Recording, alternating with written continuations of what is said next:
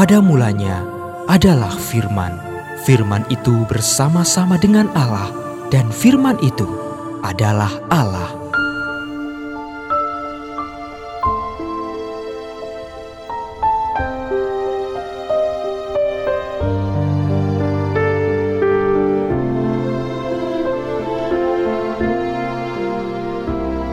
Kejadian pasal 41 ayat 37 sampai dengan 57. Yusuf di Mesir sebagai penguasa. Usul itu dipandang baik oleh Firaun dan oleh semua pegawainya. Lalu berkatalah Firaun kepada para pegawainya, "Mungkinkah kita mendapat orang seperti ini, seorang yang penuh dengan roh Allah?" Kata Firaun kepada Yusuf, oleh karena Allah telah memberitahukan semuanya ini kepadamu, tidaklah ada orang yang demikian berakal budi dan bijaksana seperti engkau.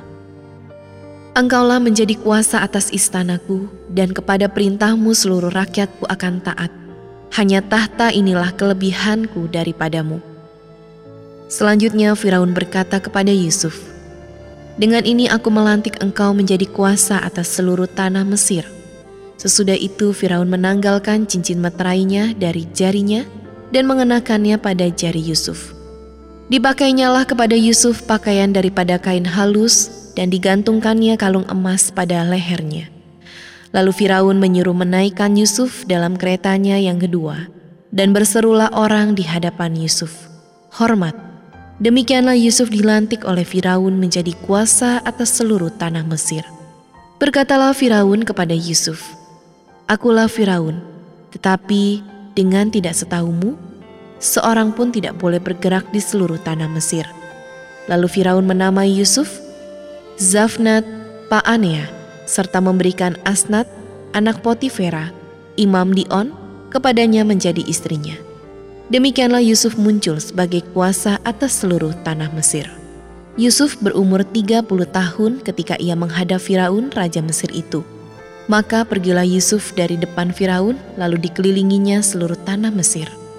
Tanah itu mengeluarkan hasil bertumpuk-tumpuk dalam ketujuh tahun kelimpahan itu, maka Yusuf mengumpulkan segala bahan makanan ketujuh tahun kelimpahan yang ada di tanah Mesir.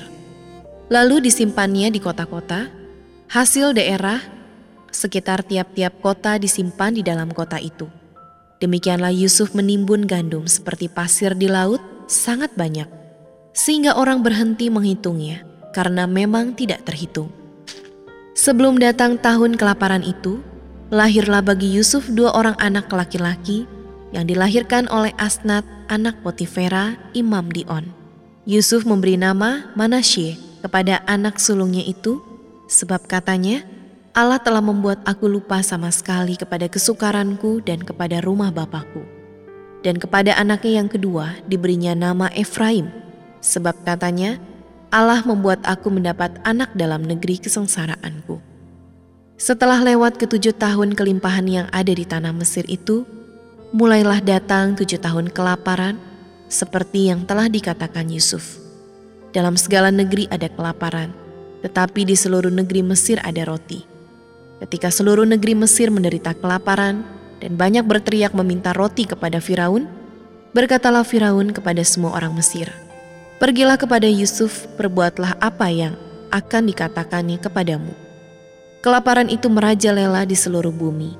Maka Yusuf membuka segala lumbung dan menjual gandum kepada orang Mesir, sebab makin hebat kelaparan itu di tanah Mesir. Juga dari seluruh bumi datanglah orang ke Mesir untuk membeli gandum dari Yusuf, sebab hebat kelaparan itu di seluruh bumi. Janganlah engkau lupa memperkatakan kitab Taurat ini, tetapi renungkanlah itu siang dan malam, supaya engkau bertindak hati-hati sesuai dengan segala yang tertulis di dalamnya. Sebab dengan demikian, perjalananmu akan berhasil dan engkau akan beruntung.